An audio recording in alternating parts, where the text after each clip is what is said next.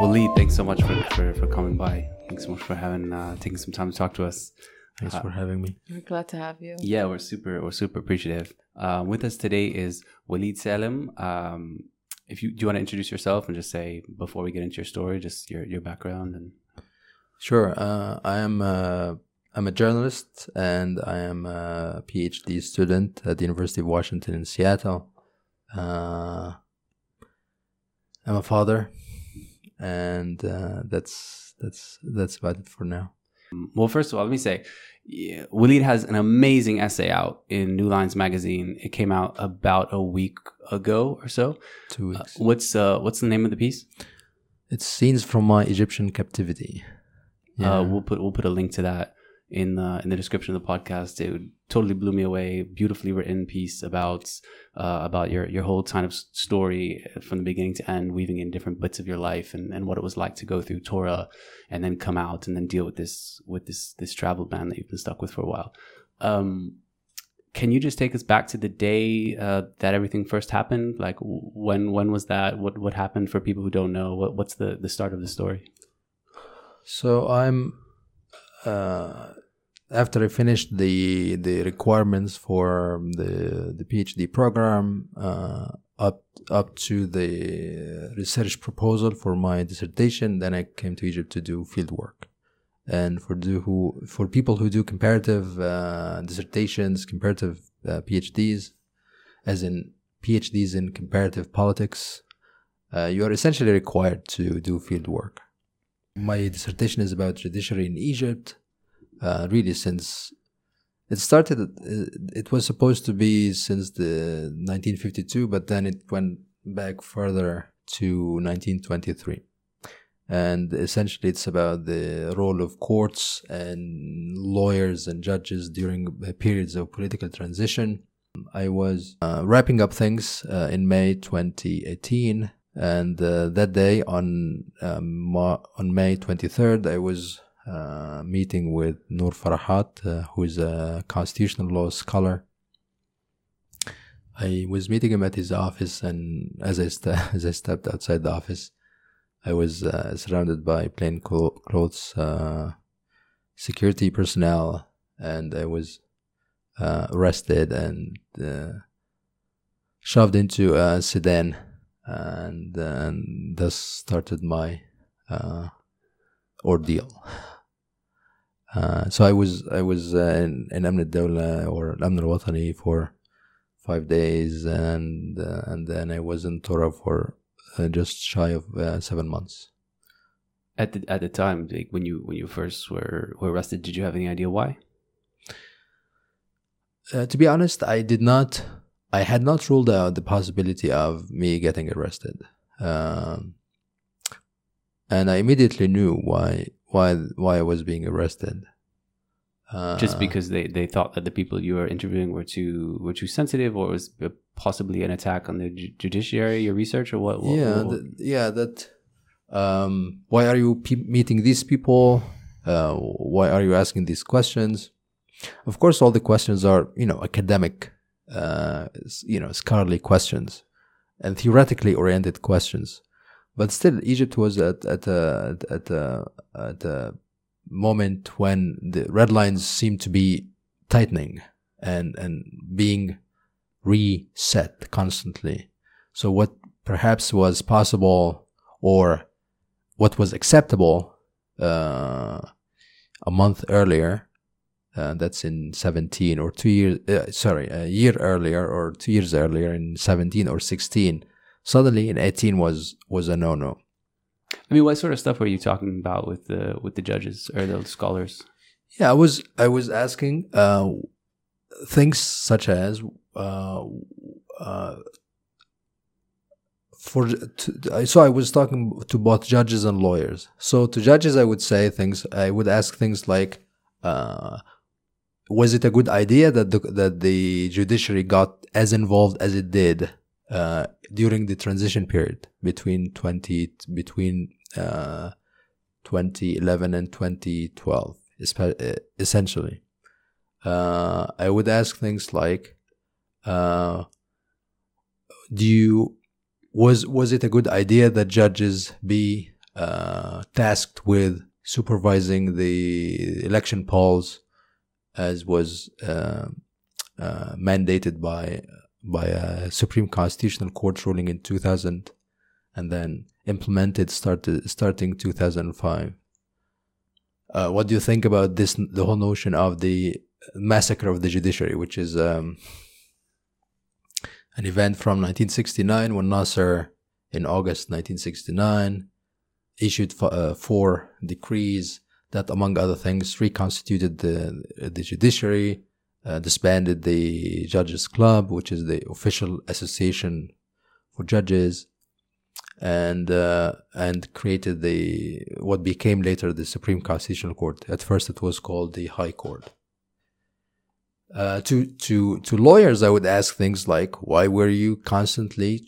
Uh, was it a good idea to constantly uh, convert uh, political questions into legal questions and run with them to courts?" Uh, even though you were constantly being, even though you had been uh, frustrated by court rulings for for years, but you still continued to take uh, political issues to courts. Was this a good idea? And what was the the consequences of this legalization or uh, judicialization of political questions? What was the impact of this on uh, democratic the democratic transition? So take us back to then, like what was happening when you were first being interrogated. Were they interested in these questions? Were they were they concerned about your your dissertation, or what? What was that? What was what was going on at the time? Yeah, I think it it it uh, quickly became clear that this was the thing. This was why I was arrested. Uh, so the at first it was whom did you meet? Why did you meet these people? I was essentially saying I I met really people from across the spectrum. My my my interest is not in any particular view. My interest is in getting as complete and com- comprehensive a view of how folks in the legal profession thought about these very important and consequential moments. So I wasn't my I wasn't interested in in in what Tahani Gibali said or what uh, Ahmed Makki said. I was interested in like a broad swath of of these opinions and how they reflected um, either deeper currents uh, in the judiciary about you know what what the role of the judiciary is, what legality meant, what the what the rule of law is in this country. Uh, therefore, I actually met people from across the spectrum. But um, I was asked, well, you know, why did you meet these people who are uh, supposed to be supposed to be Islamists? I said I don't. I didn't just meet Islamists. I met also uh, people who were very pro-state, like Tahani Gibali and others, um, who's a justice uh, on the SCC, the Supreme Constitutional Court. Um, but when at the Niaba, the the the line of questions was even more uh, focused on on my dissertation. So now it was really unambiguous. So whom did you meet? Who put you in touch with these people? What's your desert? What's your what was your master's about? Who chose you for this master's? How did you choose your uh, committee? Why did they choose you? Why, why are they funding you? And were they giving you more attention than even your advisors were by that point? Say again? Were they giving you more attention than even your advisors were by that point? yeah, yeah. I thought I thought th- this surreal. Yeah, I thought this was well. I, I was I was I was secretly uh, pleased that the that the that the interrogator actually had the presence of mind to pursue, because I was really worried that I would just get an absent-minded guy who would just slap any big label on me and say, "Oh, the Walid is just uh, this," uh, and this would be. I thought this would be tragic. uh, so he the, he was really he was he was pursuing this single-mindedly. The you know uh, what's your what are the titles of your chapters for the dissertation. This is a big deal, right? So you should know what the title, what the chapters are. I said I didn't really write anything yet. I I don't have I don't have chapters yet. Maybe I'm a lousy PhD guy, but but truly, truly, I don't have the chapters, chapter titles yet. I don't even have a plan yet. Uh, I would just at the at the the uh, fieldwork stage, which is interviews, uh, you know, some haphazard haphazard readings, haphazard writings. I'm I'm just in the flow of uh, of just taking in all I could. Right. Um, so the first, as as you may recall from the piece, the first substantive comment I got from the prosecutor was, "So you're saying that the that the that the judiciary is politicized?" And my heart sank because I was really worried about uh, the charge of being um, of insulting the judiciary. So at the time there was, uh, which is a serious charge, right? You can get like three years. three years, yeah. yeah. And already at the time, there were some people who were uh, accused of this, and they had been convicted, you know, in in short order. And I I I had been warned that that the, you know be careful about this. And of course, yeah, you know, there like I, I operate. I, I think I operated in this period with these with these two minds. On the one hand, I am there is this there is Walid the uh, the researcher I, I, had lived I had been living in Seattle and in and and in, in this American university environment and my mind would would would would think this is all uh, regular research stuff it shouldn't it's benign it shouldn't offend anyone but then there's there was also the the Walid, the guy who grew up in Egypt and with Egyptian friends who were constantly saying, you know, you are crazy to do work on these things. This is dangerous or foolhardy or uh, this is not the right time or the right um, the right subject to to think about or write about. You probably picked the subject though earlier, right? Uh, this sort of well, when did when did you first decide on it? Things things must have changed as you were you were going through this process. No, this is one of the most consistent things in my life that I actually I had uh, I had thought about this uh, subject when I was thinking about graduate school, and even though the there were twists and turns. What year was that? This was in 11, 2011. Yeah. So I applied to graduate school in in the fall of 2011 and I, I got accepted in February 2000, uh, 2012. So at the time, my thinking was, you know, what is this thing about um, uh, uh, judicializing politics, which is a, a, quite a theme in American politics, the, the turning big issues into judicial issues, or taking big issues, big political issues to courts, uh, such as Roe, yeah, like abortion. This was a huge thing and there was quite a, a bit of literature on this in the U.S.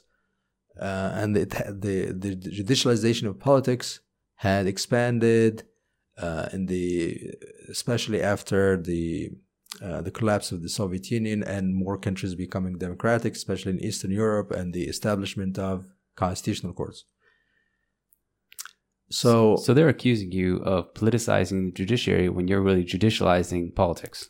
Yeah, this yeah, yeah, this this was one of the, the the the things I've one of the moments I felt a bit helpless as I tried to make the distinction to the prosecutor. I was not saying that the courts unilaterally uh, or single-handedly taking on political issues. I was actually saying the opposite of this, or something in the other direction, which is it's lawyers and politicians, uh, opposition politicians, who took this as a shortcut instead of instead of uh, uh, mobilizing people and, and, and creating parties and so on in order to force their position on on their rivals they were they were simply taking things to courts. So anyway so when when the time came for me to ask the prosecutor so what are the charges uh, i was very concerned that it would be insulting the judiciary right He said, "No, no, no, no worries. It's uh, terrorism.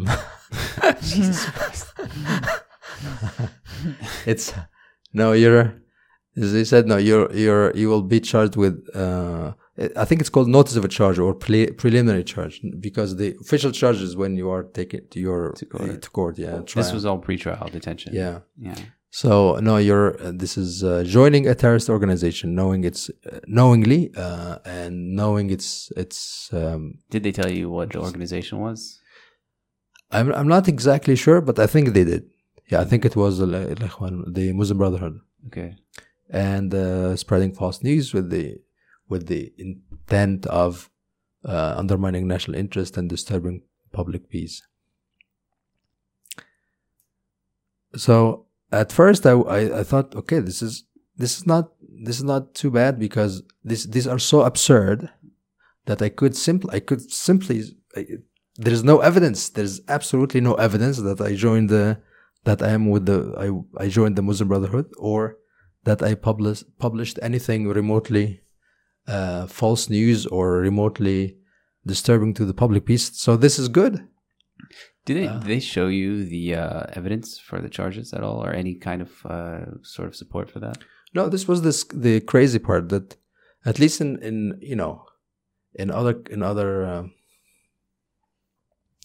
in other cases people would say people would be shown you know the you, you or would be asked you met this person you know this person uh, you were on this facebook group uh, you whatever something. You Right. publish this on twitter or on facebook or on blog blogger blogspot or something. Uh, or here's this thing. What's what's this file on your laptop? Okay.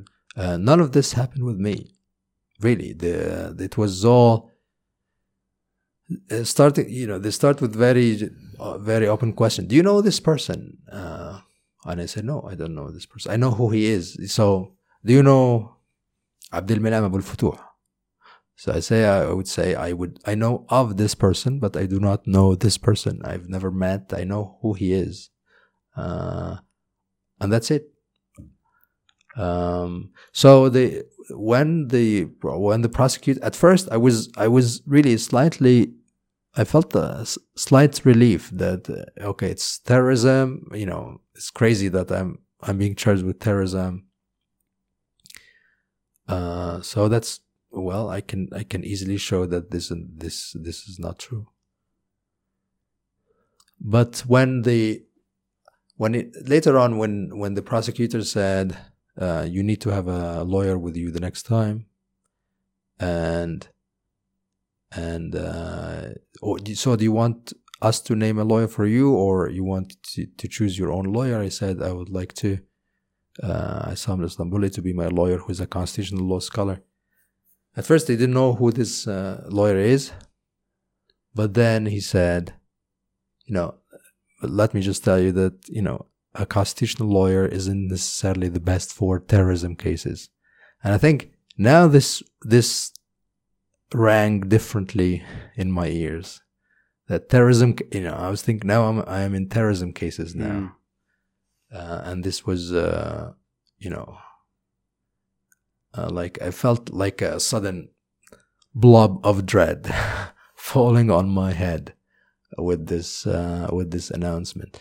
You know the he, and actually this guy the prosecutor he he actually meant this and it it was useful because you know the it takes certain skills and certain familiarity to navigate uh, What even what even makes someone like a good terrorist lawyer? Like what what is what would that even what type of stuff would that lawyer even be able to do? Like what what differentiates a terrorism lawyer from someone who's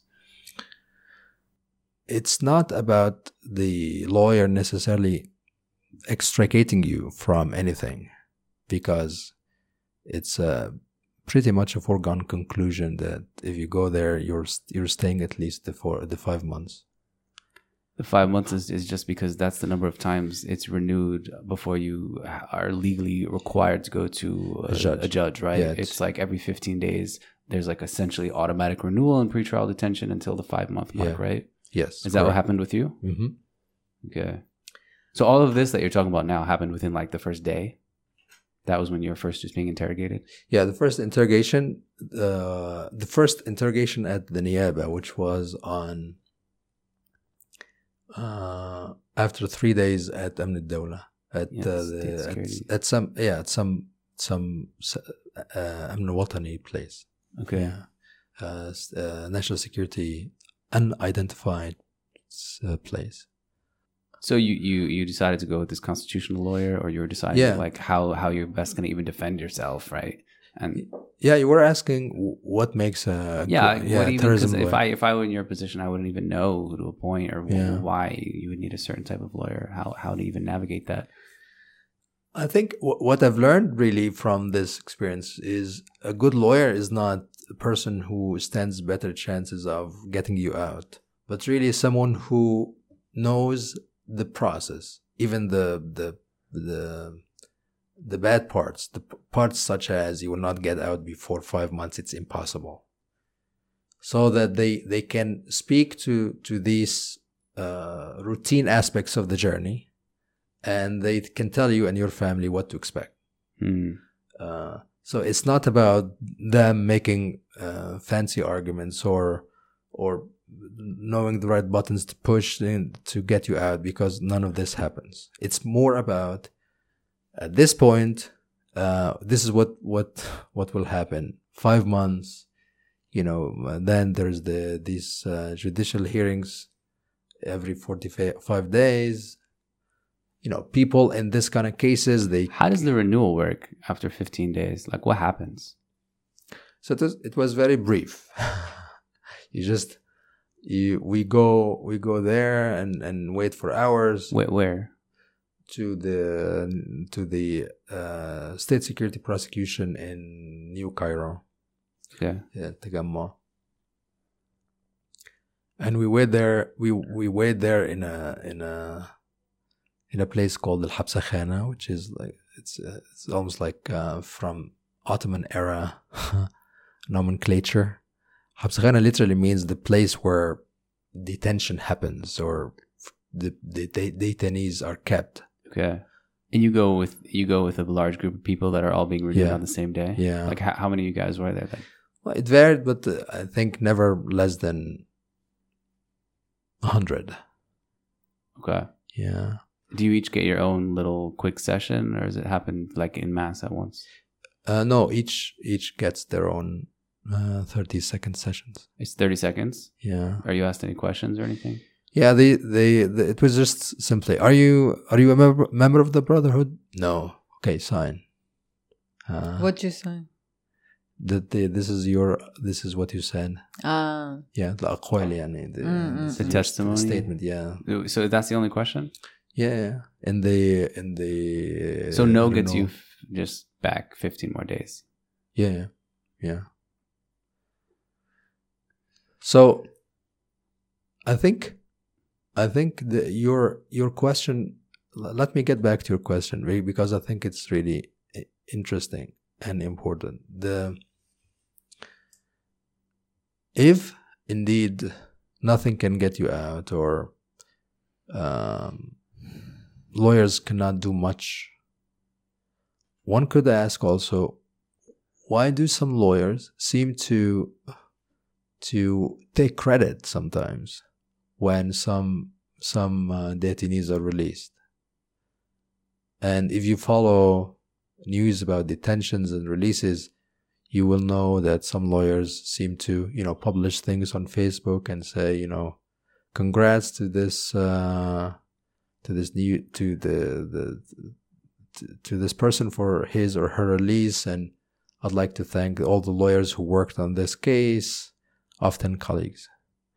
And I think there is a bit of this ingenuousness in this because it's more like some lawyers, uh, you know, patting themselves on the back for things that are entirely uh, random and uh, Mm. and uh, chancy and but in a way they want to continue to to f- feel relevant or to assert relevance to i don't know donors uh, i don't want to sound too cynical Uh, I, think I think at That's, this point you're uh, pretty entitled to be That's cynical. super interesting, though. You- Like, lawyers working on political cases are basically pretending that, like, they're, you know, playing a part, playing a role in this whole thing, when really it's like random and like they don't play much of a role. But they want to, like, you know, maintain this, you know, image so that they can get like donations and stuff.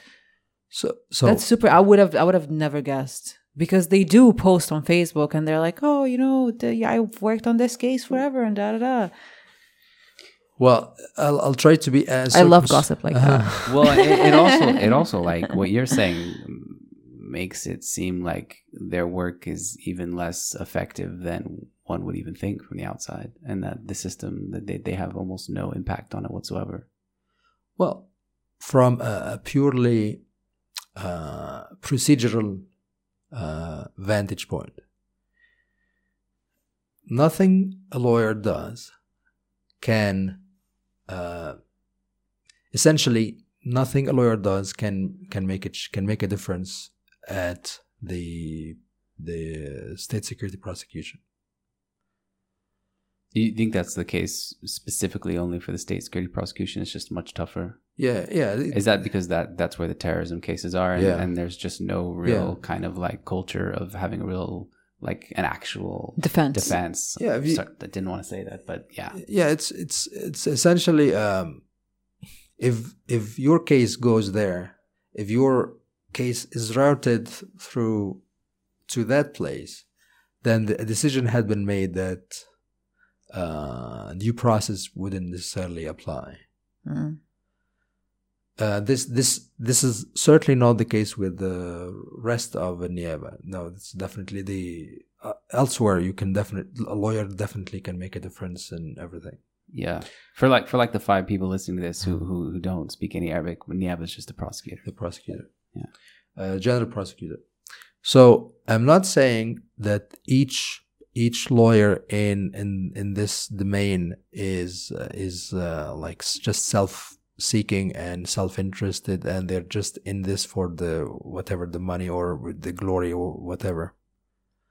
I'm just pointing the simple fact that they know many lawyers know that re- really nearly nearly uh, it's uh, it's nearly the case that nothing can make a difference. But if they admit this openly, this means that they, they, they, it's absurd that they would go and go and, and, and, and they would be irrelevant. So some of them, there is this moral havoc that they have to, against their own uh, secret judgment, they will they will continue to to make it appear like they have a role. Lawyers have a role. They can make a difference, but they know that they cannot make a difference. Wow. Yeah. They're playing pretend lawyer almost just to keep up the image for now. Yes, some some do this. Some are really open about it, but say, and they say, okay, maybe on on eight days out of ten, there is nothing I can do. There is nothing that I do uh, would make a difference. But maybe on occasion, I can step uh, uh, in, in with a with a with a detainee, and perhaps I can get them food or something. I can make a difference, even at a small level. Make their life a little easier at least while they're detained. Yeah. Yeah. But I'm not saying that uh, rights lawyers are are are uh, unimportant or they don't do anything. Many try their best, and if they if they if if their best is st- if their best still falls short of making any difference, this is not on them. This is uh, they they have not devised the process. They react to an existing process, and this process doesn't seem very hospitable to lawyers or defense, and that's fine. My my concern is with folks who know all of all of the above, but they continue to to put uh, to put uh, up this image of a process that they that they have mastered and they they're able to get people out and and they thank one another uh, in a like like in a shilla, uh, in a like a clique, which I think is just uh, dishonest. What so what what was it like when you when you first got to Tora? Um, were you with a lot of other people? Was like what what was what was that like? Was it were the like so called political detainees all grouped together? Um, were you guys given any kind of different treatment than ordinary criminals, if you can use that word? Like what what was that like? So, uh, in in all honesty, I was I was genuinely very very happy that I was going to Tora uh, because I knew that once in Tora there are no blindfolds, and uh, this there were no blindfolds and no shackles, no handcuffs, uh, and you know the it adds to your to your uh, fear and terror when you are blindfolded, uh, handcuffed, and you're hearing voices. Okay. So when I was going to Tora, I was really happy. Um, and the fact that you can just see other people's faces and talk to them, this was a huge boost to, to my. How many days after was that? Like, how, how long were you detained before you finally saw people? Five days. Uh, yeah. that's a long time to be like isolated and Yeah. and just interrogated. Hmm. So, uh, so I uh, the, the the minute I landed in Tora, um, so they took all they took my my back, backpack, which was, uh, I mean, short a low-ranking police officer was carrying, and uh, they re- re- returned to me my glasses, my spectacles, which I hadn't hadn't been allowed to use before. Uh, so you know, I could see again, uh, which was nice. And uh, so they, so they they took they took everything, and they just allowed my, you know, boxers. That was all I could get in with, and uh, and then they give me the the the sutra, the like the uniform. Uh, so it was, so all all the folks in the in Tora were that I that I was uh, I was around. Uh, they were all political cases, and really the, the the Egyptian bureaucracy openly says these are political cases, these are criminal cases. So Guinea siyasi when you say that, you mean it's like they they they say that when they're referring to your case, or where does it where yeah. does it where does it say that? Everywhere, really. In Tora, they they when they, they refer to you, they say uh, uh, not not sagin سجين or sagin جنائي. Okay. So political political detainee or uh, inmate and. Is it like written over the the the wing that you're in, like the political detainee wing?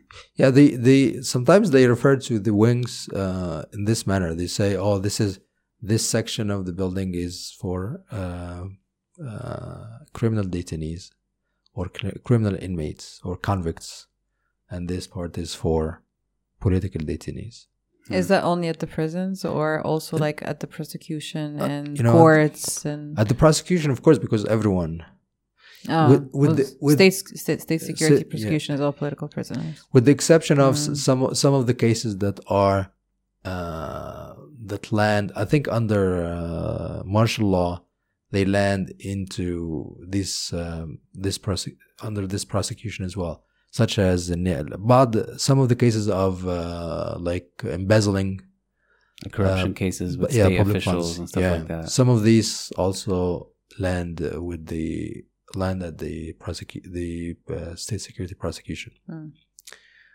But it wasn't just uh, in prison. Even when we went to the judge, to a judge, and after the first five months, they would the judge simply said, "Oh, the political guys uh, will have your cases at the end if you don't mind, and you know, let me do the criminal uh, stuff first. And we were we sat through. Uh, this was in the appeals day, so they, so they during the the hearing that uh, in which I got released, um, it was all political cases, but uh, the niaba the prosecution appealed the decision, so we had to go to another criminal uh, judge, a cr criminal uh, circuit, because they under so Qanun al-Irhab, the terrorism law, is is part of the um, جنايات قانون جنا- uh, قانون الجنايات the the penal code. So he had to go to another uh, criminal circuit. And believe it or not, it was this guy was the the guy who uh, who released Mubarak, who acquitted Mubarak. Uh, his name is Rashidi, and uh, he was extre- he was extremely professional, truly. So he said, "Well, we're going to have the first at first the regular criminal cases, and then you guys will will have you at the end." And um, and that's that that was it. Yeah. Hmm. But what, what was it like during the five months, or I guess it was more. It was like you went tour for seven months or so. Like, what was the like? Did you did you become friends with the other? Was there like camaraderie amongst all the political detainees? What was the culture like? What was that? Is Well- it is it more relaxed than the other parts of the prison since everyone kind of is a bit? Yeah, definitely. Yeah, it was. Uh, you know, I, one of my first, the first thoughts that came to my mind was, I wish I I had studied ethnography, uh, to be able to document and have a more of a of a of an in on how to record some of these uh, thing the things I was seeing. Uh, you know, it was fascinating the the the how how people um, coordinate living in in tiny spaces to, to make life possible. And uh, you know the, the, one of the fascinating things was how males bonded outside society because these were folks in their 30s and 40s and uh, but the, there was no we were outside society. So egyptian men can be conservative uh, or you know because when they are out around their you know kids or their uh, wives or their mothers but when outside the gaze of these of these women uh, you know men old and, and young they were playing football and they were running after each other like uh, we were you know 12 year olds So everyone sort of just became their child version of themselves Yeah. in jail. yeah yeah it was, Wow. Yeah. Wow, that's that's that's epic. yeah it, it was That's it- exactly what we expect you guys to do when we're not around. you know, you know, even even even really uh, apparently conservative uh, folks in their fifties and with beards and everything, but you know, uh, when uh, when they lost in the volleyball, they were, you know, they were so cute. they were upset, like, like five year olds, and uh, and they, they they did their best to get the to get the point, and uh, uh, and they they were uh, they were like relieved or unburdened by society, which was Mm. amazing. I think I was extremely lucky in in the the, the company that uh, I found in the room I, I ended up in, which was Tisawahed Nine One, which means room number nine in, uh, in the ground floor. How many people were in a room? So when I was when I first got there, it was thirteen, but over time this uh, went up to seventeen. How big was the room or how small was it? I think it was three meters by nine. Uh, Mm. Three meters by nine with Yes. seventeen people. Yes, including uh, an an in room restroom. When when everyone's trying to go to sleep, are you guys just bunched up together? I mean, that's not no, a lot of space. no, we, no. There, each one each has uh, their allotted uh, farsha, like space, which was like two meters uh, uh, uh, long and fifty-five centimeters wide. Uh, so this is essentially the the width of my shoulders. This is like that's your space. yeah. in the room. Mm. and and you get these, but uh, yeah, uh, bigger folks got like ten centimeters. There's no beds, right? Then you just take the blankets. No, no blankets. beds, no. You get blankets from outside. Yeah, yeah, yeah. So I was lucky with the folks that uh, some of some. Uh, um, well, there was just a nice dynamic in in the room where I was staying. Uh, I mean, uh, that we had a, a person uh, who was uh, our uh, kitchen, uh, who was in charge of our kitchen. And kitchen, of course, is a huge overstatement. what was the kitchen? so it was so we managed to get uh, pots a, a few pots and and uh, there were the supplies from visits like uh, pasta and like uh, uncooked uh, pasta and some veggies some some onions and, stuff How do you know even what you're allowed to get in versus not? Like, are you allowed to get it like basic kitchen stuff in, or most of it's banned? It was it was more a hit and miss and lots of negotiation and uh, you know sometimes they we were allowed to get new pots. Uh, sometimes there was a big ban on pots. Okay. because the thing is the the the uh, the the the the prison I was in, uh, Signal Tora Tahqiq, or also Signal Qahira. So it had both criminal, criminal Ginai, uh, and political uh, detainees. So some of the sometimes they wanted to the the the prison authority wanted to apply the same rule. So you you you wouldn't be allowed to get anything metal uh, because this might be used in fights or something. But at the same time, they allowed so uh, you know you couldn't get some um, uh, you, you couldn't get like a one one uh, fork or a spoon or anything, but we were allowed lots of uh, razors to shave, and they, this was okay. We were also allowed, uh, of course, uh, teeth brushes, which which are essentially metal inside.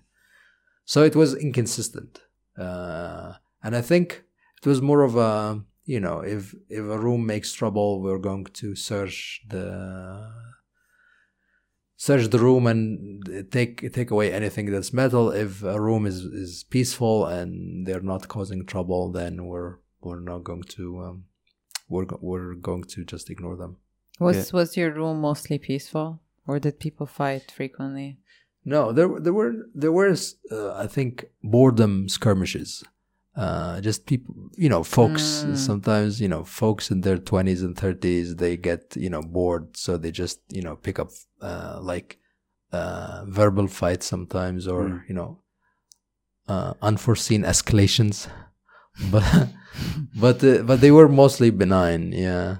What What did you guys do most of the time to pass time? So many people slept. Uh, there was lots of sleeping. Um, so we had these two uh, two hours of tarayud or you know Like exercise outside. exercise outside. They call them cage free hours. so uh, when we were cage free, you know, many. Yeah. Where do you go when you're outside? So there's a, there's a like a yard uh, where you could do uh, could do volleyball, football. Uh, there was a ping pong table, and we we we we made the best out of this. Uh, but we had to bring our own uh, uh, rackets. What do you call them? The paddles. Yeah. Yeah, the the the rackets. The Yeah. Madarib, yeah. Mm. Sometimes I, I this is when I did some some of my yoga during the cage free hours, and So yeah. So you're doing yoga during your time. And Did anyone join you, or just by yourself? No, I think they. I think over time they knew I was the you know the guy who was in the U.S. Uh, somewhat crazy, somewhat eccentric, and I I thought okay I I have the license then to do eccentric things. Uh, Okay. so you didn't try to give them like a big yoga session and no, I actually I did lead um, uh, some workout sessions, uh, like like basic uh, cross training, uh, in in the room, uh, which was basically when we sometimes we, when we were not allowed to uh, to go out for exercise. So we do some basic like cross training uh, inside the room, and uh, I had like two three committed folks who would who would always uh, who were consistent and would would push me in case I get I get lazy. were there any windows? Yeah, of course. Yeah, there the there were lots of windows. Yes. Was was the room ventilated? Yeah, very well. So good. And you could get you can get books inside. Uh, the same pot story. The it's a hit and miss. Uh, sometimes they were allowed, sometimes not. Okay. Uh, I was I was lucky that uh, and that I managed to get some books. In my essentially my family did, not me. They managed to get some books inside. But the the good news is the you know there's uh, books inside Tora are like a commons. Anyone gets access to whatever books anyone manages to get in. So uh, So there's like a little library that builds up over time. Yeah, but n- not in an official way, but more, you know, you, Yeah. you know someone who has this book, or you know, oh, you read in English, so I know someone who has books in English, and uh, this is how I, I read finally the Hundred Years of Solitude, One Hundred Years of Solitude, which which I had started reading several times over the years, but now I had the time to to read it in its entirety. Uh, Was was there anything that you like really wanted to read while you were in prison that you were looking for? Well, I think I think um, I think I liked fiction. I think you know, uh, you know, I like long, long fiction. I think uh, Hundred Years of Solitude was was perfect, um, but I also read some that uh, Harris, Thomas Harris, the guy of the. Uh, the Silence of the Lambs of the Doctor Lecter, Hannibal Lecter series. Uh, I read some of these some You- of these that's books. that's pretty horrific stuff to read while you're already in prison. You know, I was I was I was uh, I was really having a good time because I thought that Tom Tom Harris is is such a wonderful wonderful sentence craftsman, and uh, I was I was I would read every one of his novels in Tora twice. Once just for just for the fun of it and the plot, and then the second time to take to take notes and and uh, record some of the wonderful sentences there. if I saw Mm. you taking notes on Silence of the Lambs, I would think some weird shit about you. To be honest, sitting sitting in your cell taking Ex- notes on that book, I don't know, man. but okay. We, yeah, yeah. I think by I, I think this is one of the. You know, I I remember when I first one of the thir- first things I wrote uh, wh- while in Tora, which was the six seven days uh, in. I I I do recall uh, writing something about not having seen my face in the mirror for for for longest time in memory. Um, but the other one was I was really glad not to have access to screens and not to see Trump uh, on Mm. on iPhone or news or whatever. Uh, and I thought this the the flip side of this was, you know, I always read well, read uh, with focus and with with full attention when I was on the bus in Seattle, and I thought this is my longest bus ride, maybe. so I, I I would give myself to fully to whatever I read, and uh, and yeah, so this was part of my routine that I would read. So I was determined not to sleep uh, during the day. I thought this was uh, this was mm, the the the prison shaping me, and I resisted this notion, and I wanted to retain my to the extent I could the integrity of my self Mm. that I wouldn't be I wouldn't allow the prison to shape to whip me into a prisoner. So I would resist going to sleeping at all during the day. I would go every day to bed at, to bed or to whatever whatever passed for bed uh, at ten, and uh, and then I would wake up at somewhere between six thirty and seven, and uh, then everyone would still be asleep, and I would have like two hours of un- uninterrupted, just quiet read reading time uh, and meditation. So, uh, and it was you know over time, uh, you know, and this is again one of the reasons I I came to really appreciate my my companions, my fellow inmates in the room. That over time they they were more and more accommodating to my routines, and they say, "Oh, Walid will going to is going to sleep now, so Mm. dim the lights." Wow. I mean, the, the the guy next to me, he he had an extra light to do some stuff, and and he said, "Okay, uh, you know, it's it's your time to sleep, so yeah, I'm going I'm gonna dim the lights, or and so on."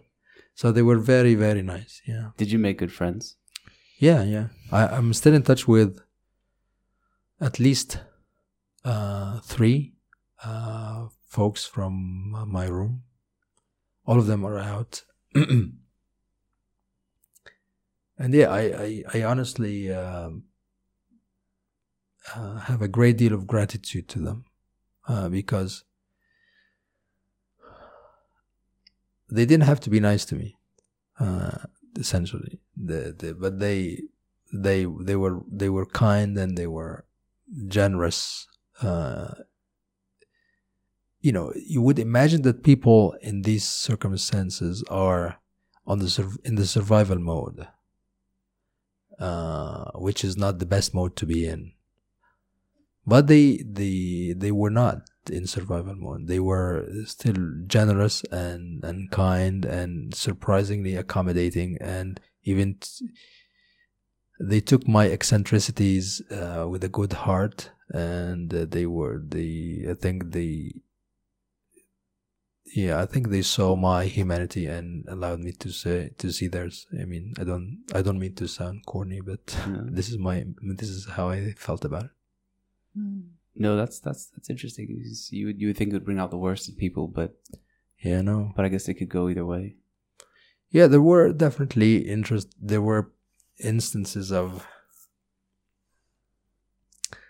petty selfishness and and the rest but overall my experience is is one of people who were really generous and kind and and accommodating. And you know sometimes uh, i think maybe a month into my uh, detention i once caught myself laughing out loud. I was thinking something must be uh, am, I, am I laughing in Tora? You know am, am i so thick skinned that i'm i'm oblivious to my but it, the truth is they, there were some there were some mo- moments of lev- levity and and and uh, and warmth and kindness and and uh, you know knowing more stories. There were there was a an infinite amount of infinite number of stories.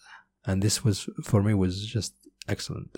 You mean people telling stories? people people really uh, keen on telling their stories uh, and not looking uh, looking uh, funny at you when you ask questions about their stories. Wow. Yeah. So the you know uh, as someone who's interested in stories, um, I thought this was very interesting. Did you did you keep a notebook while there to write uh, I did. to write little stories? Did you publish them? No, I didn't publish anything. I would lo- I would love to read stories from from you from from from your time there Oh, thank you. because it sounds like it sounds like you would you would just have the the the most the most interesting stories. Did you think about did you think about doing anything Sure. like that? Yeah. I I thought that uh, that the you know I witnessed quite a bit of injustice, not on my part, but other people uh, subjected to injustice. I think In terms of being kept for too long, or in terms of their treatment? You know th- th- there were some people who were. so sometimes we joked, uh, friend and I joked that no one is uh, no one is in Tora by mistake. Uh, and we were essentially riffing on a line from uh, Shawshank Redemption that you know the you know we're all we're all innocents here, which which they in Shawshank Redemption they meant no one was innocent. But so in a way I could understand why I was arrested. I mean, I was writing a stupid dissertation about things that the government didn't like. That's you know, I mean, I don't I didn't like it, but that's understandable. I mean, under the circumstances. But there were other cases where people were clearly um, not politicized, clearly not didn't do anything that would remotely raise alarms on the part of the authorities. Why then were they were they arrested? Like I think it was uh, some of these big crackdowns hmm. that Wrong place, wrong time kind yeah, of thing? yeah, yeah. were there a lot of people like that? Like how? well, how- like half of them, for example. Uh, it's impossible to give a number, and and uh, you know any number I say would be inaccurate. Uh, what what what I'm basing this impression on is just that at, at, I had at least one of these cases in my room, Mm. and he was uh, he was a truly gentle soul, and uh, and the the you know the the point I started uh, I started to make was there is nothing I can do to to this guy. but at least I can maybe tell his story one day.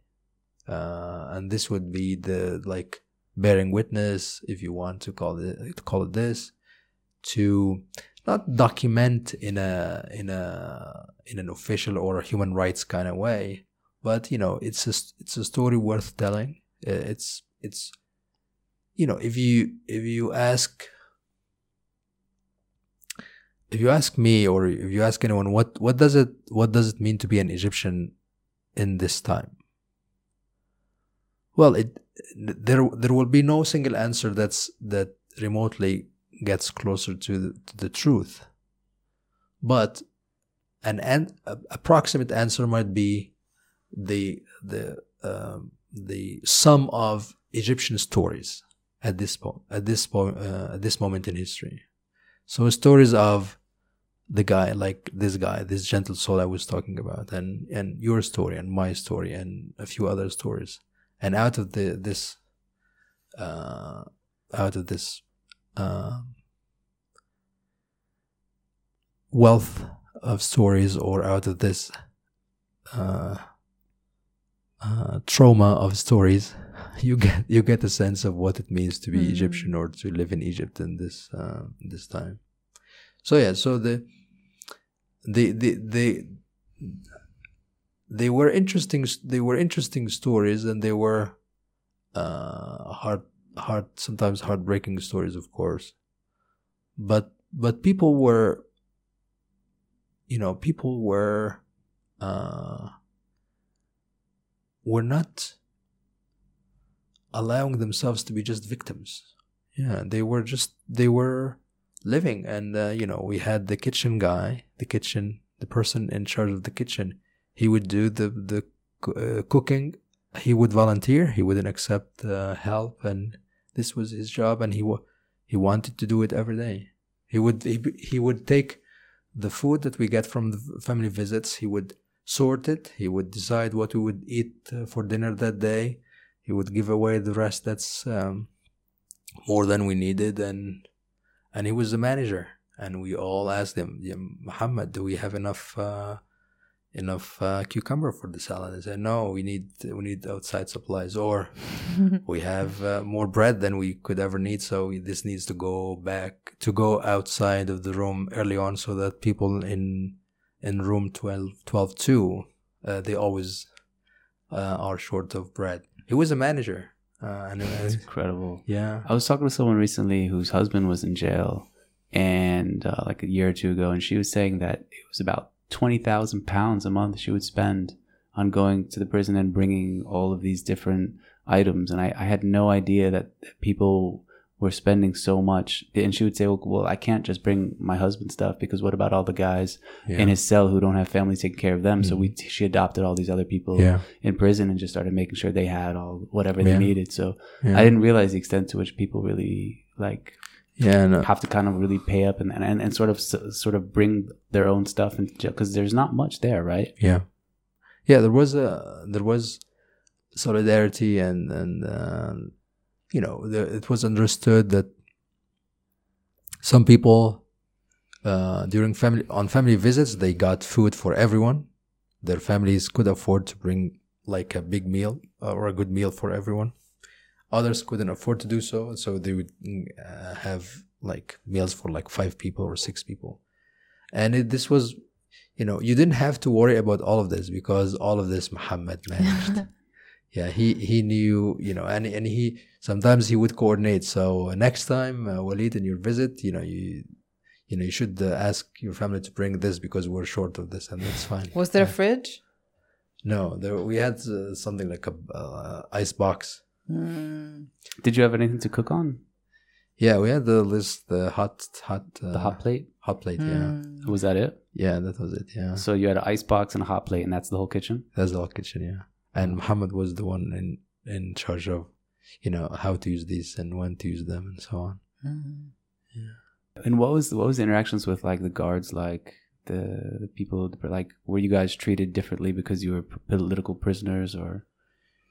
So the the um in my anbar in my section of the of the, the prison it was all political prisoners. So I I I I, I didn't see, I heard, but I didn't see with my own eyes how uh, criminal uh, case criminal detainees were treated.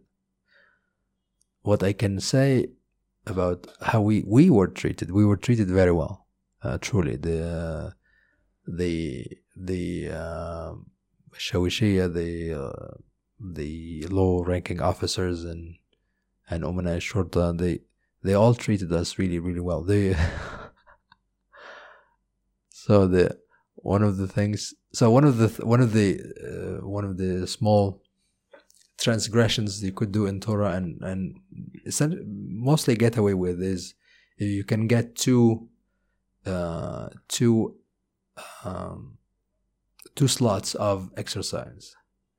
So normally each person, each room is allowed just one exercise slot for two hours. So sometimes we evaded, we we we learned skills to evade the back to the cage uh, routines, and we could we could stay outside for two exercise slots, which is which means four hours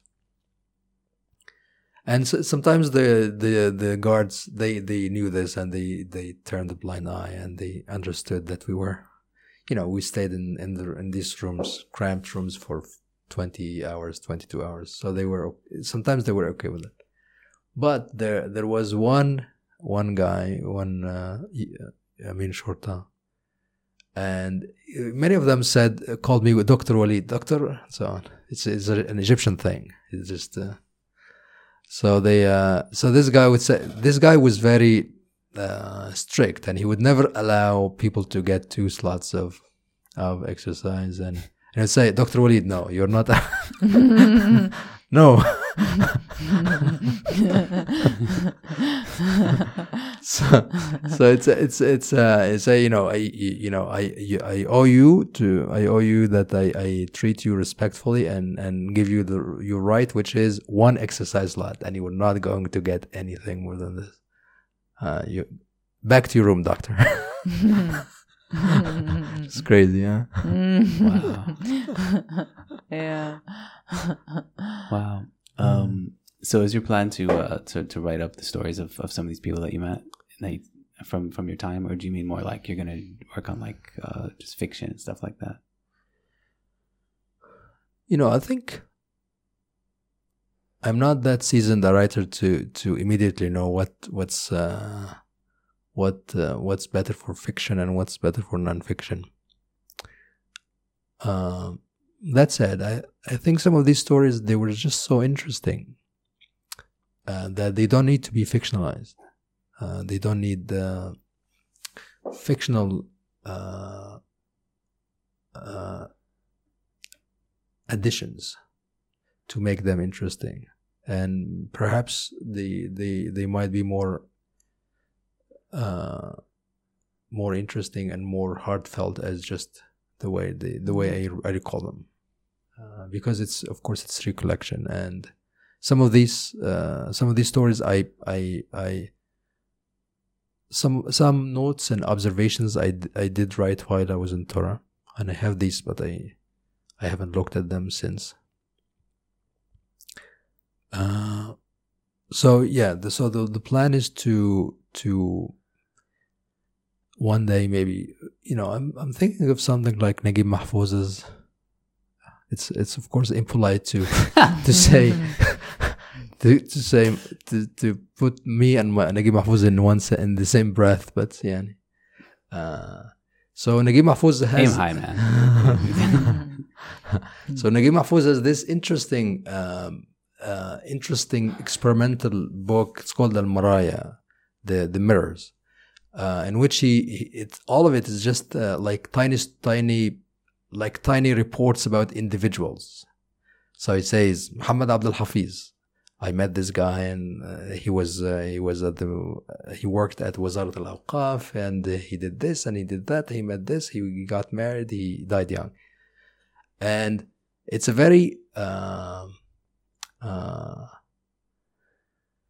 like a mosaic kind of story that you you don't tell one story or one plot, but you get like a a spirit of a of a moment in history through the, the, the through the, the the sum of these stories. And I was thinking, uh, I was thinking, thinking about something along these lines that uh, um, something like a basic report about these these uh, some of these characters, not in not in a in a in a sentimental way or or not to make people cry for them or anything.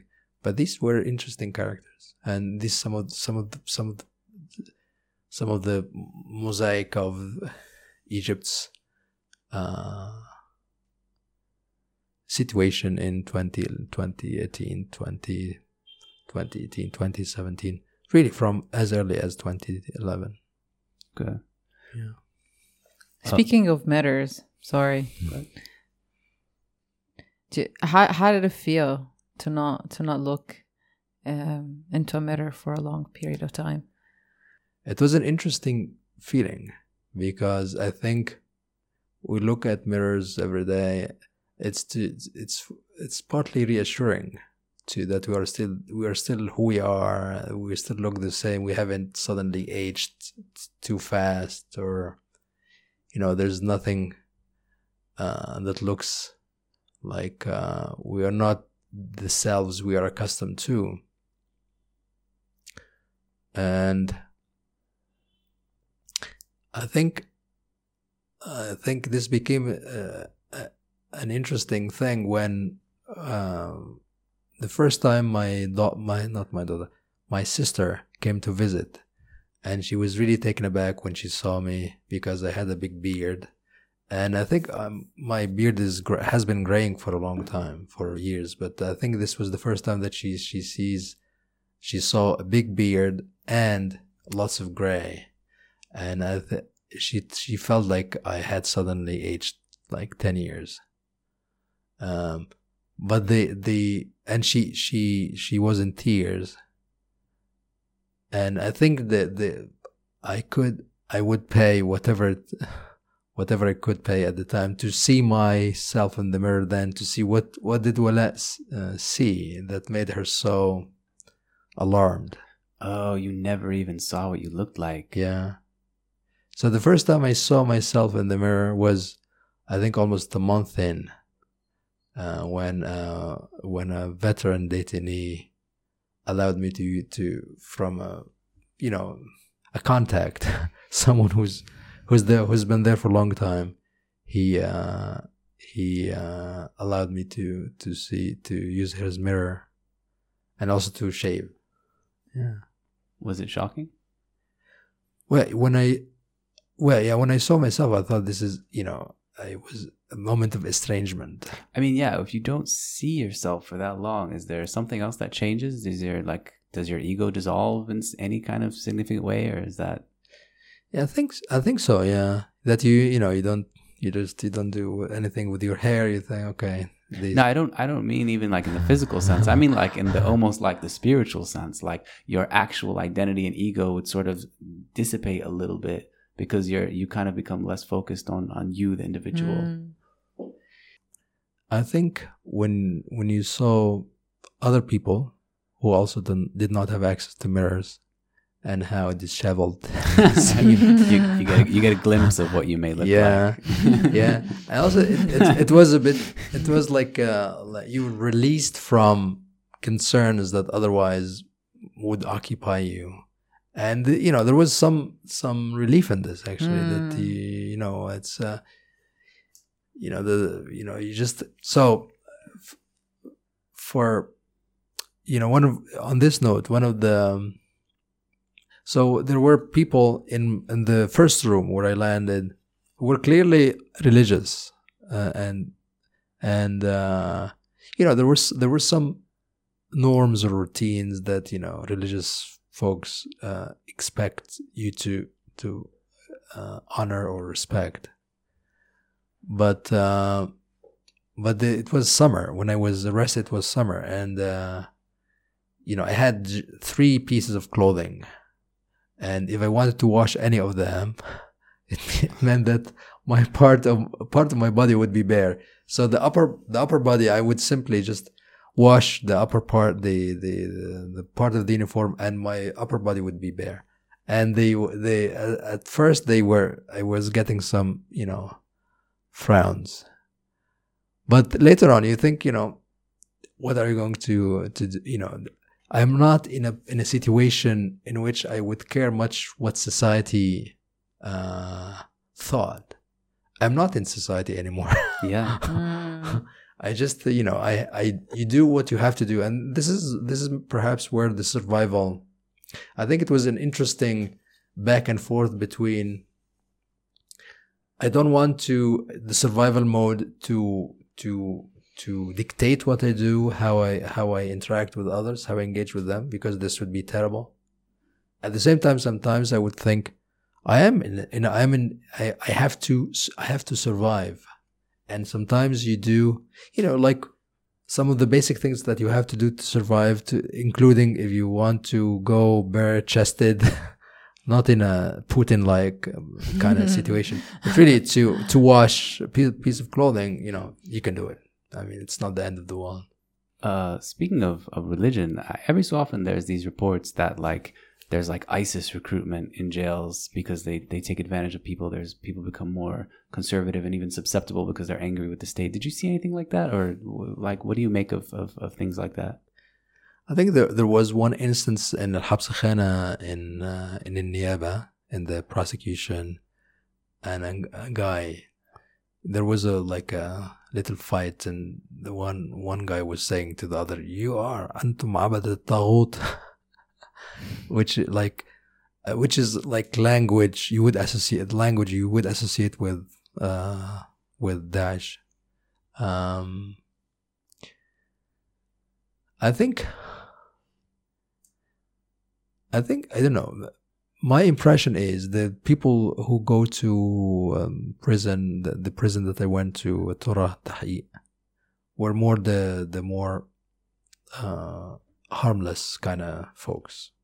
And the, I think the the ones that the Niaba, the prosecutor had stronger suspicions about, they they placed them elsewhere, like uh, high security Al Aqrab uh, Mm. prison. But you know, this this is just purely speculative. I don't know. Mm. I, I myself did not witness, did not witness. I think there were people who were clearly Ikhwan Mus- Muslim Brotherhood uh, folks. Uh, but uh, Daesh, I heard, I heard stories, but I never, I did not encounter uh, folks myself. Mm, okay. Mm. How did you end up like seven months in? You suddenly got released, uh, which uh, I guess is. I mean, there were, there's no way to know how long you're going to stay. Often people stay for the full two years of pretrial detention. Not often, no, It's not often. no. But sorry, I interrupted you. No, no, no. Continue. Like, so what was what was the how, what was it like for your release? Like, was it very unexpected and sudden? Um, how did it how did it work? So the the way I understand it is, um, it seems like these cases are fall under some kind of classification in the Niaba, and so the the case I was in it was for for four forty one for the year twenty eighteen. This this is this was supposed to be a case for journalists and media folks, and so it's not it's not a case that involved bombings or anything. So i guess the and judges i guess knew these things that the the the the the, the nub of the case is about people who published stuff maybe. So they they tend to be more uh, lenient and more uh, more willing to let go let people go sooner than the the like 18 months or 15 months as was the case in other uh, cases.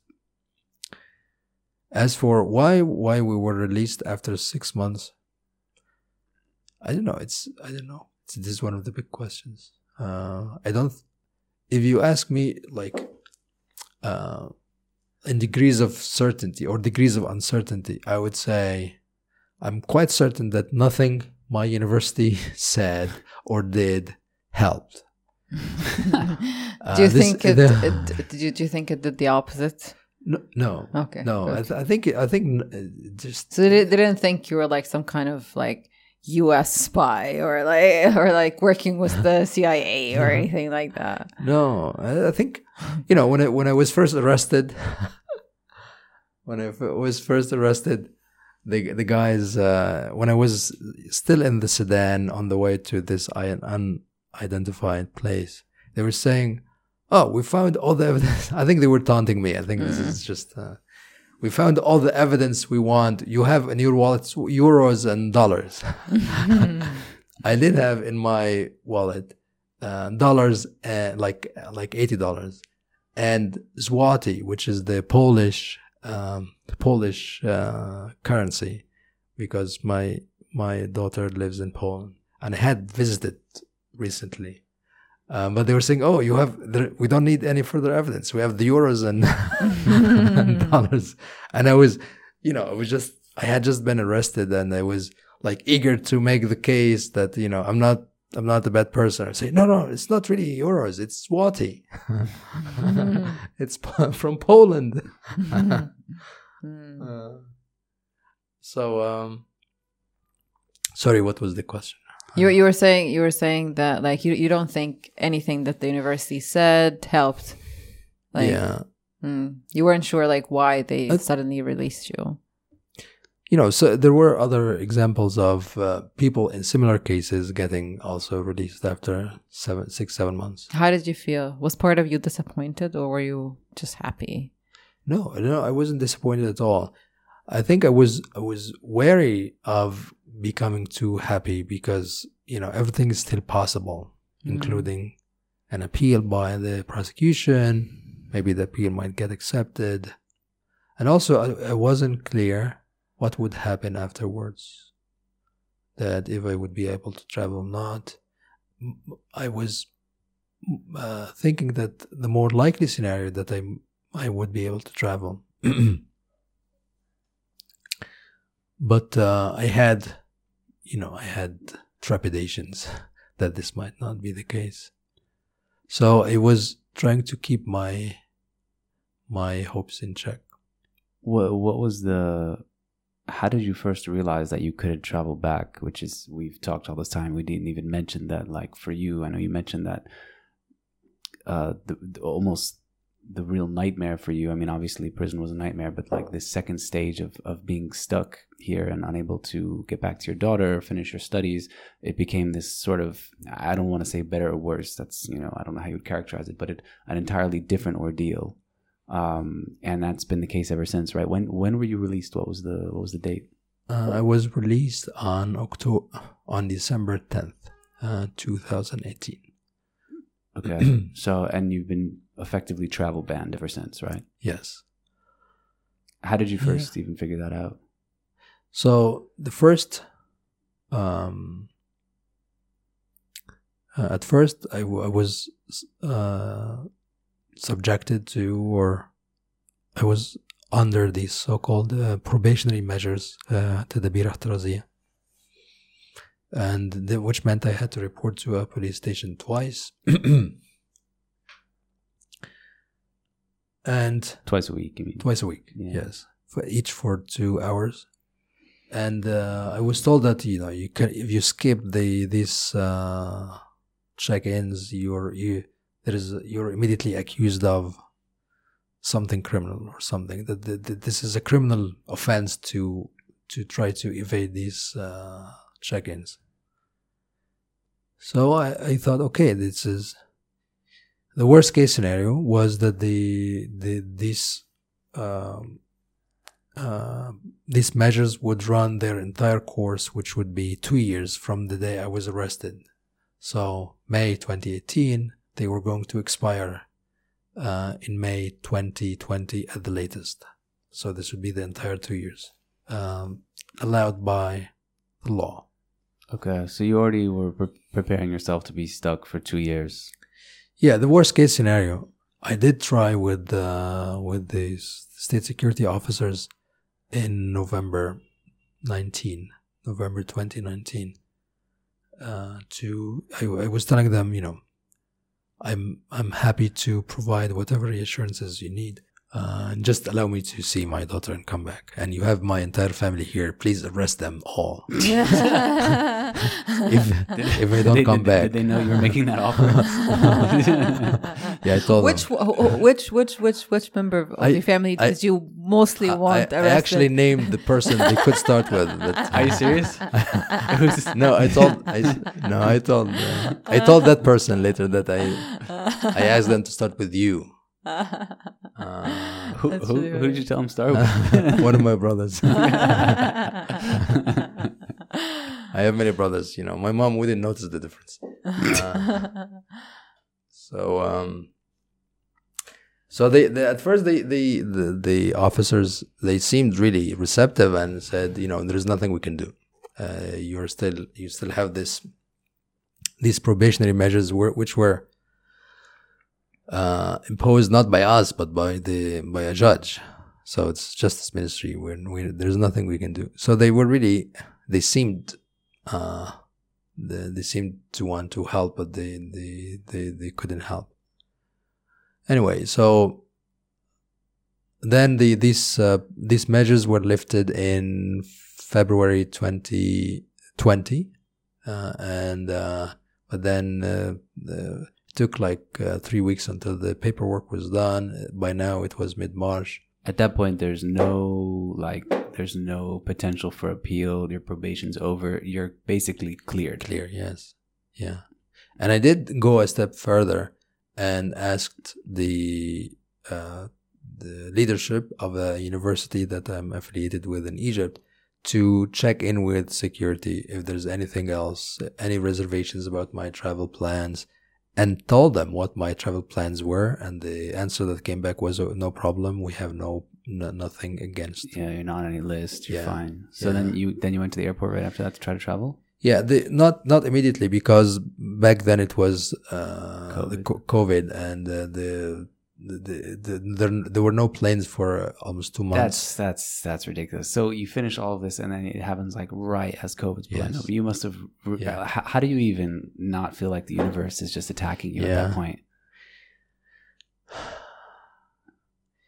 yeah, Egypt is bad news, Stan. you know the it, you know it, it's the nightmare finds ways to go deeper.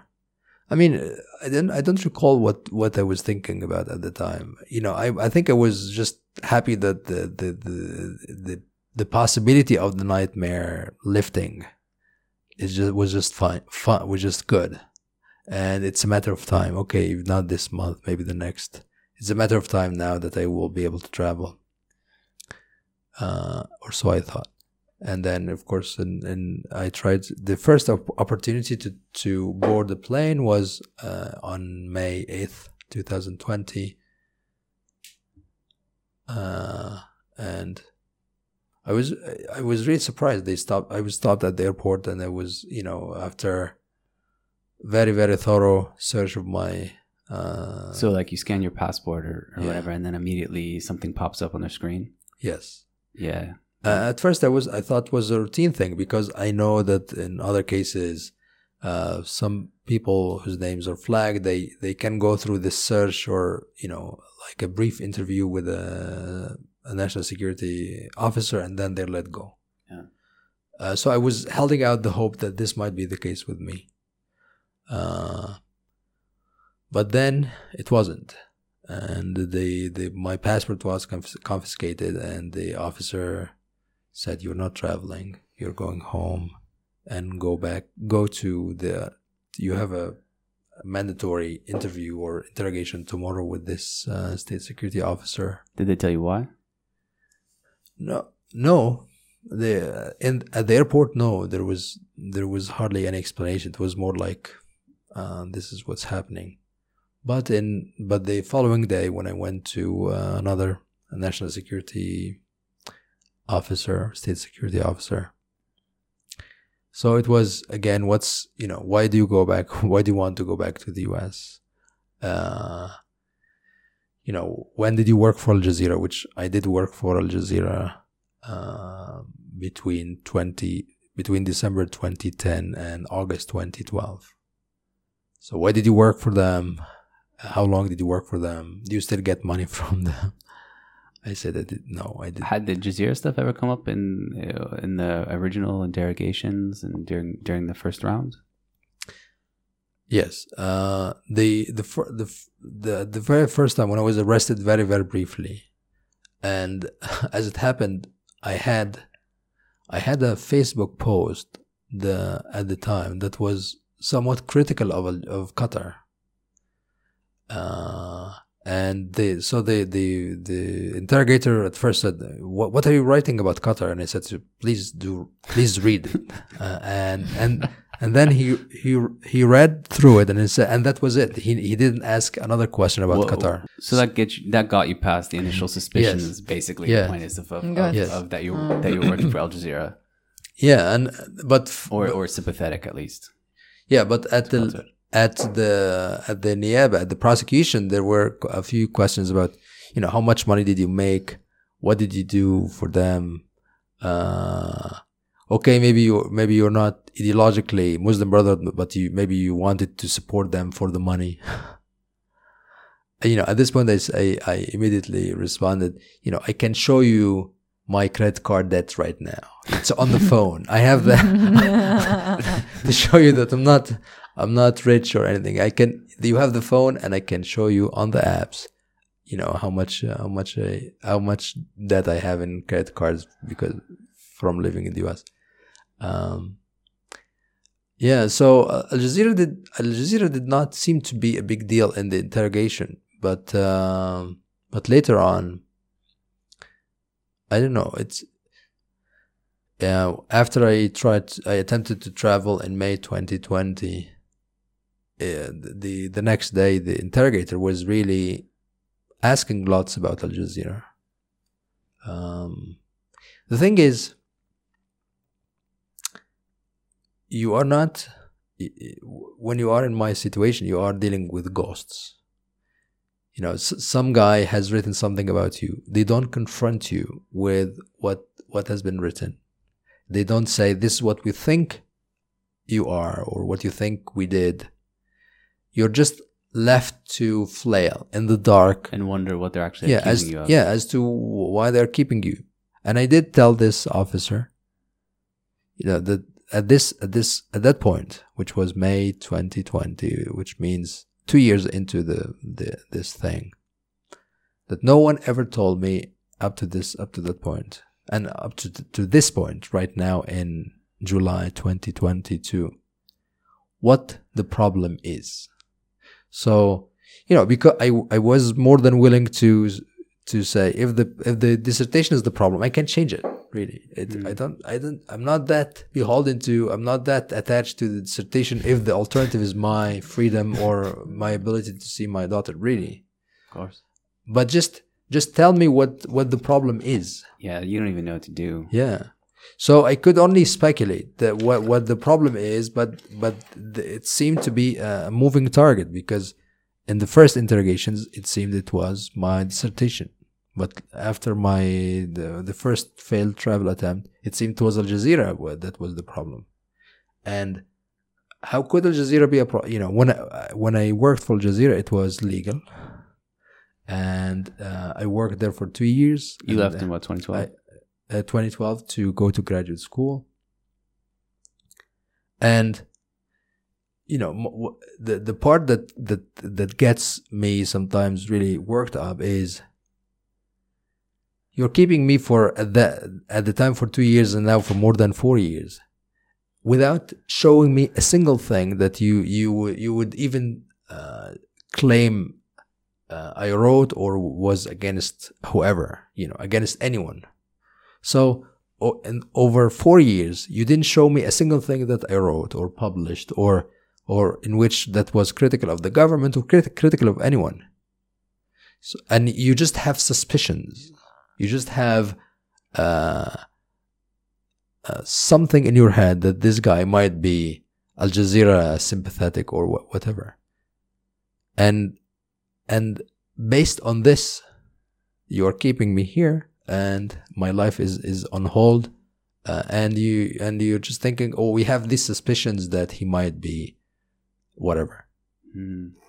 and this is this is maddening because you know you would think that we are at we I don't know I don't want to sound too naive. I think I am I am naive enough.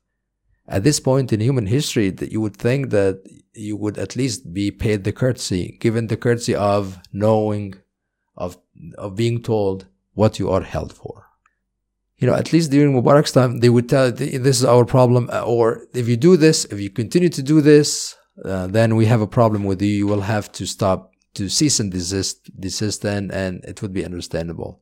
There will be arsit win, like a first a slap on the wrist, and if you do this again, you know, there will be consequences. Whereas in in under the current situation, it's yeah, it's there's no there's no slap on the wrist, there's no warning shot.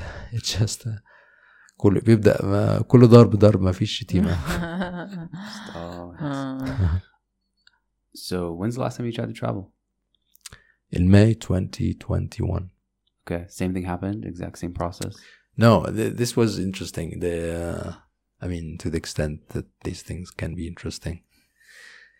So, uh, so it, it is interesting. It's just really dark and tragic Yeah. for you. So Yeah. So I had, I I thought, you know, your mind keeps rolling on what might have gone wrong and how might I do, how might I do the things differently in order to avoid uh, fallout. So I thought, what if the last time when I tried to travel, some maybe low-ranking officer was uh, caught off guard by me showing up at the airport and he he didn't know what to do so he just decided not to decide and said, okay, we're not traveling so that there are no consequences for him. yeah, no one wants responsibility. Yeah. So I'll try to not, not to surprise anyone this time, I thought, and I will try to, um, uh, let people know in advance about my travel plans. So through intermediaries, people who have contacts in the security services,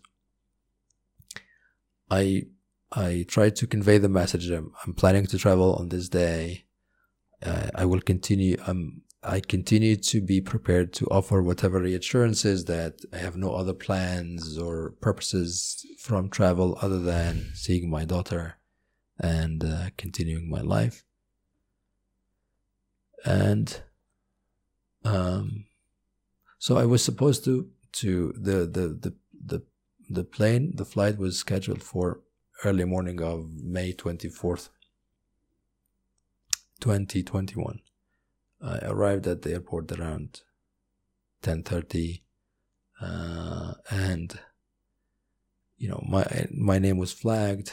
I, I was I was told to go to go to a security office regular security regular security office not state security and uh, you know this this was um, a bit of a hectic office because this is where people, younger travelers who still haven't their um, uh, military service done, they go there for some temporary clearance and so on. So it's there's a bit of action in this in this uh, office.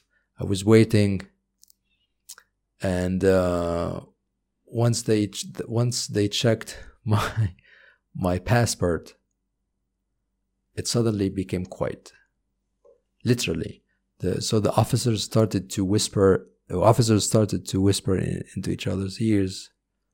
And finally, the more, the senior one asked me, are you on a, in any case? I said, no, I was on a case, but I had been released. He said, that's impossible because your name has been placed on a no travel list hours ago.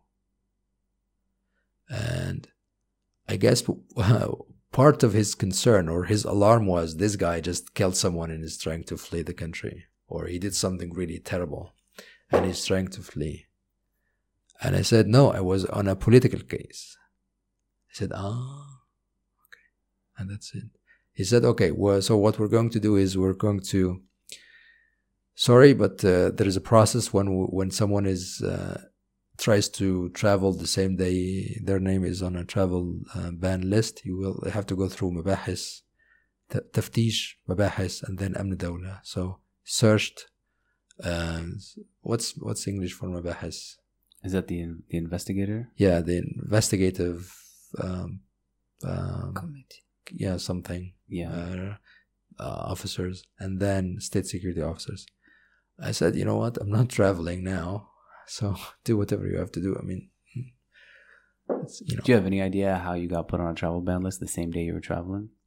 of course I do. The the this it's it seems like the the the go-betweens uh, who try to reach state security officers to tell them that you know uh, Walid is going to travel and and so on.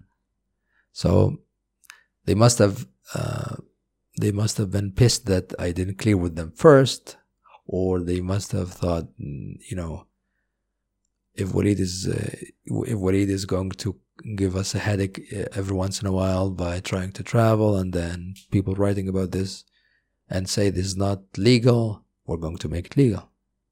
Mm. Uh, and and indeed, this this the this the second time, there was no there was it was all really legal. It was the, my name was placed on a travel ban list because I was still I was still on a case that hadn't been closed, and there and there were no uh, there there were no state security or national security officers involved in this this time at all. Uh, so they it was all regular security, regular officers at the airport, and you know I was w- waiting outside for an hour. There was no searching or anything. Just either I was told that uh, just wait outside, and an hour later the the senior officer came from from the uh, airport security. He came to me and said, "Mr. Walid, you know here's here's your passport back. If you want to travel, go back, go to the Nabil. There's nothing we can do." So they so they basically shuffled you from the state security prosecution to the general prosecutor, To- yeah. and just said your case was still open somehow. Yes. But that's technically always the case, right? Like Yeah. cases always just remain open. Yeah. There's no like, and there even if your case is open, nothing else happens, right? There's no you're never called in again, or Yeah. No. so there, Yeah. and there's no time limit on how long it can stay open. Uh, I'm not sure. I think I I think there are cases that have been open for years or decades, but I'm not sure if there is a legal limit on how how long a case uh, can stay open. and you you can't like appeal that somehow. Well, I did I did uh, I did try to petition this uh, my placement on this travel ban list to, with the public prosecutor. Uh, and the this was in I think in June, uh, 2021, but then this petition was rejected in la- uh, last February without any explanation. Uh, after almost uh, after almost eight eight months of under review. The other thing that we, uh, my lawyer and lawyer and I, have been trying to do is to file a case with the uh, Cairo Appeals Court, which is the court designated to hear travel ban cases.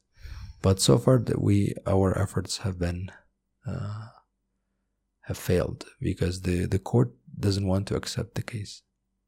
Uh, they, ev- every time they, they just say we need we need more information from we'll request or we will they ask for more information from the pro, the public prosecutor and they they did not they haven't yet given us like a case number You don't even have a case number. no yeah Wow.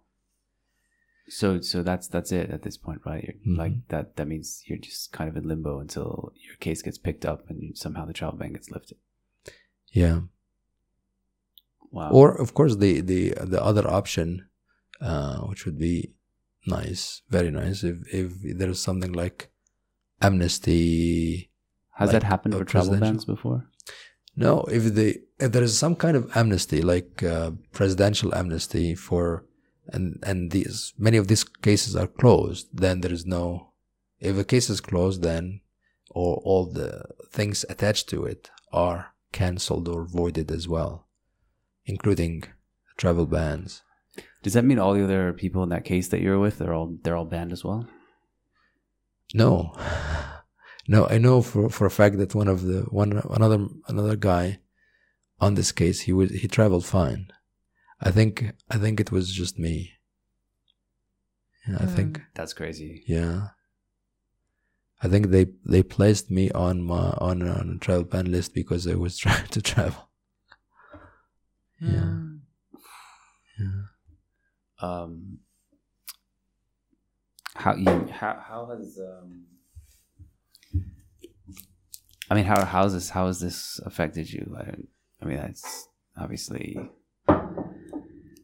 difficult to answer in a way, but like, are you are you still planning to finish the dissertation? Like, what do you? You've obviously had to change your entire life. You haven't been in Seattle in what four years? Um, Uh, Almost five now. almost five Mm. years. So almost Yeah. you so you've been living this for five years. Yeah, f- four and a half years. Yeah.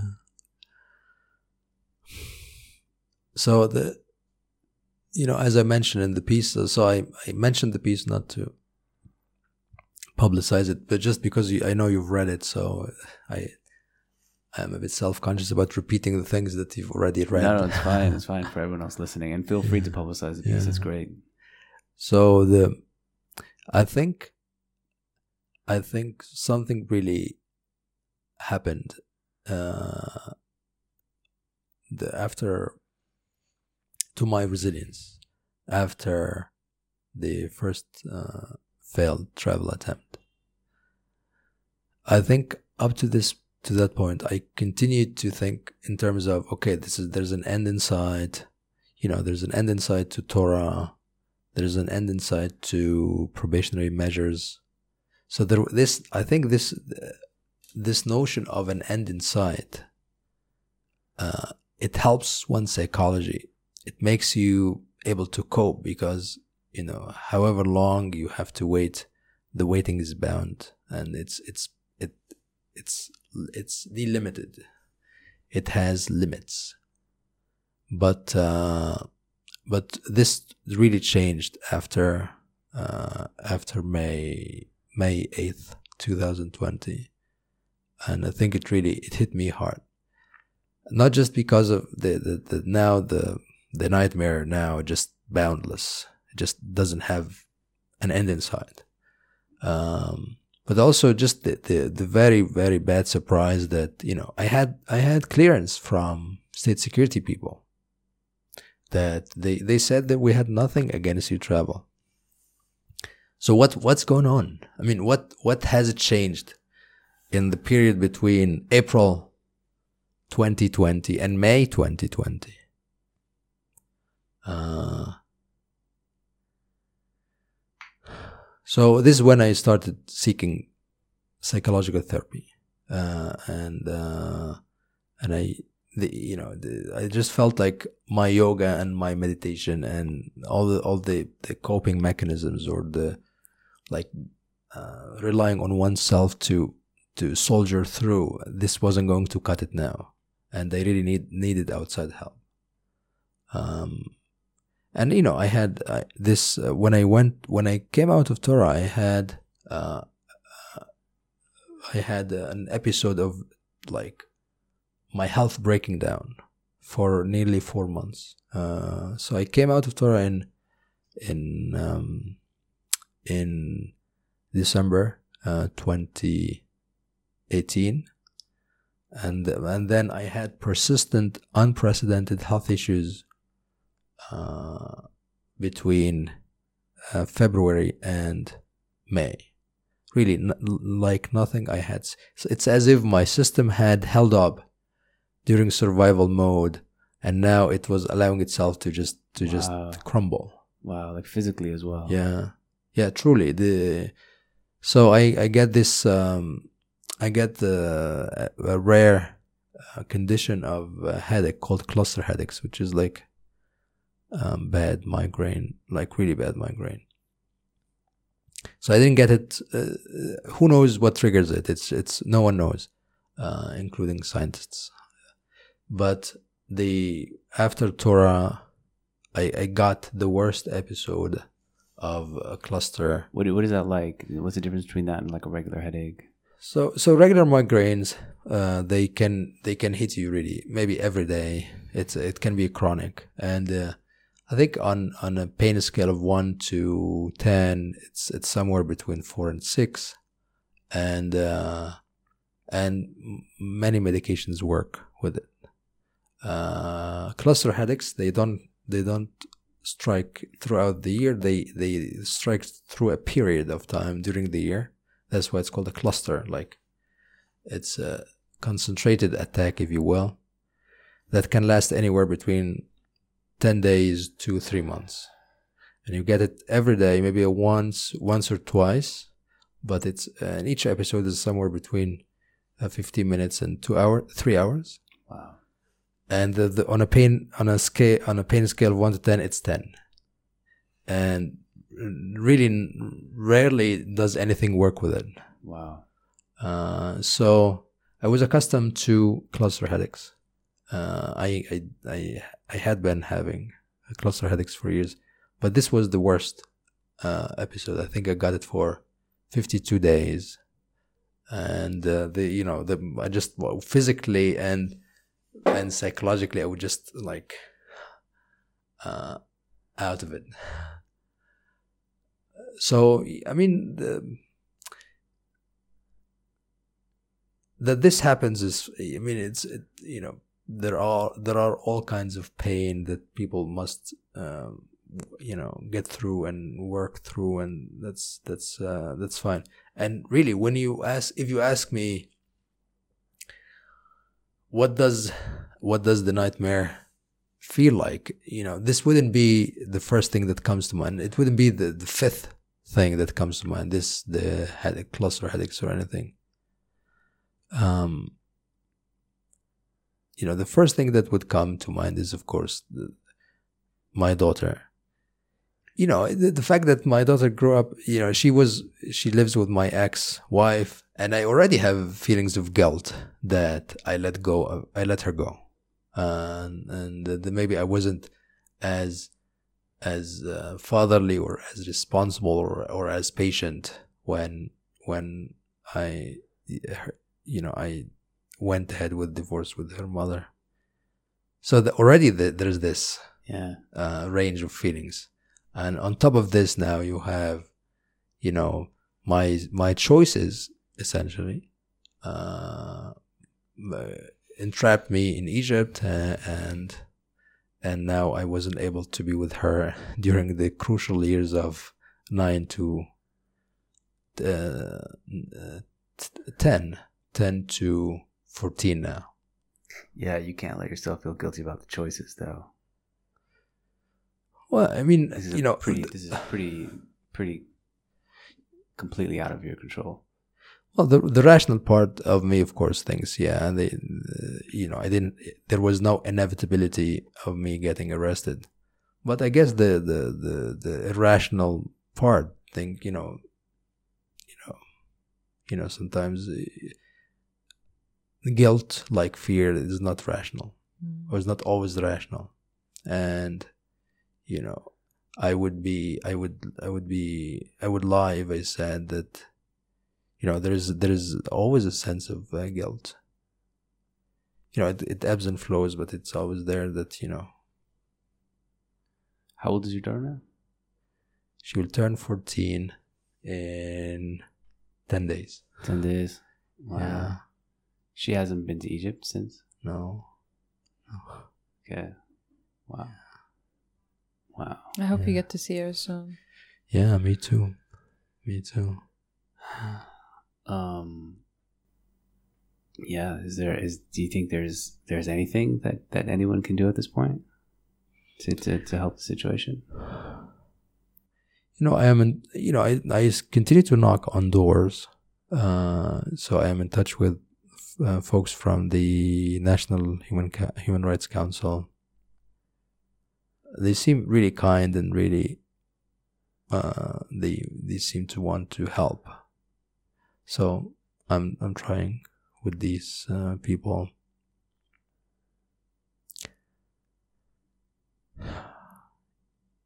you know, at some point I thought maybe the Ameri- my university in the U.S., I mean, the University of Washington, or or something. But to be honest, I I'm, I don't I no longer think that any of this could help.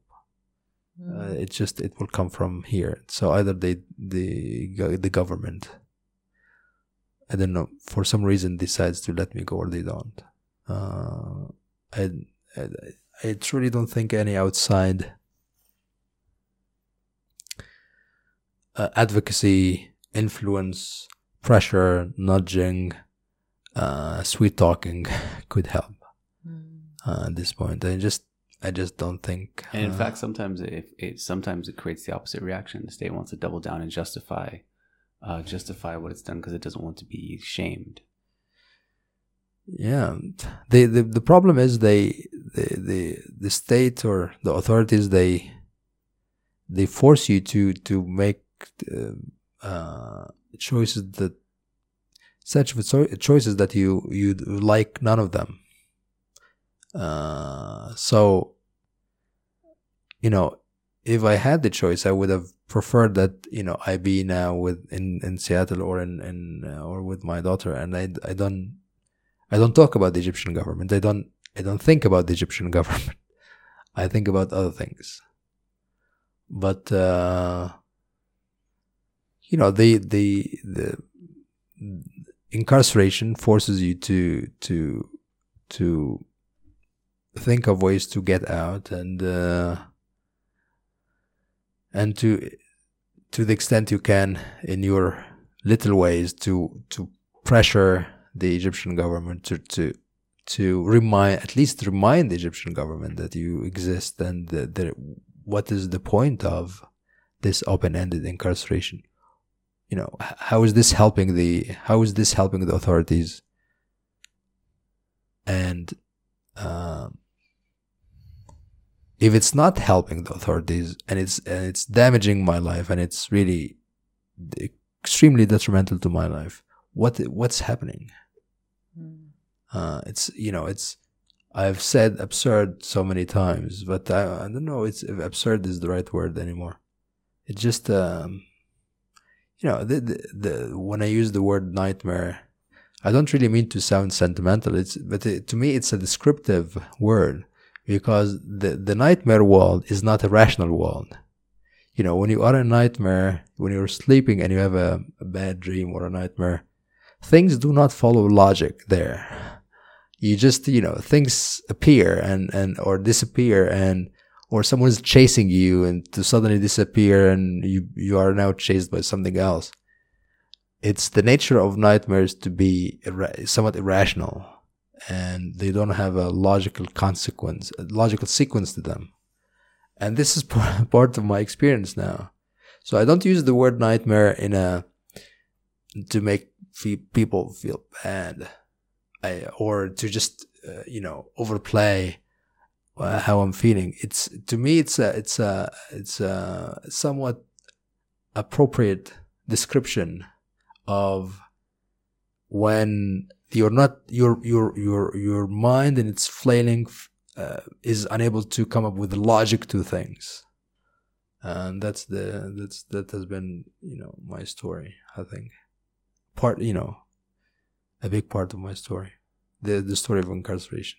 Is there anything else that you you, you wanna you wanna say or like if if anyone's listening to this, even in the state or elsewhere, any message, anything at all before we wrap up?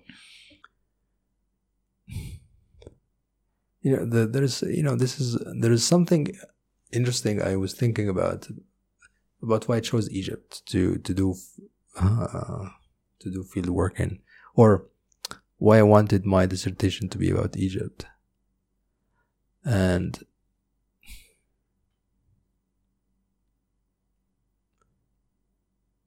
the um, you know at some point i, I thought about doing my dissertation about saudi arabia about you know foreign advisors and consultancies and state building in Saudi Arabia, and I was I was really thinking about this and re- reading about this for a year.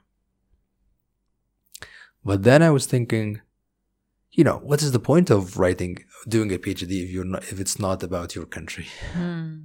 I always talk about this. Yeah. We always talk about this. Yeah. Yeah. Because, yeah.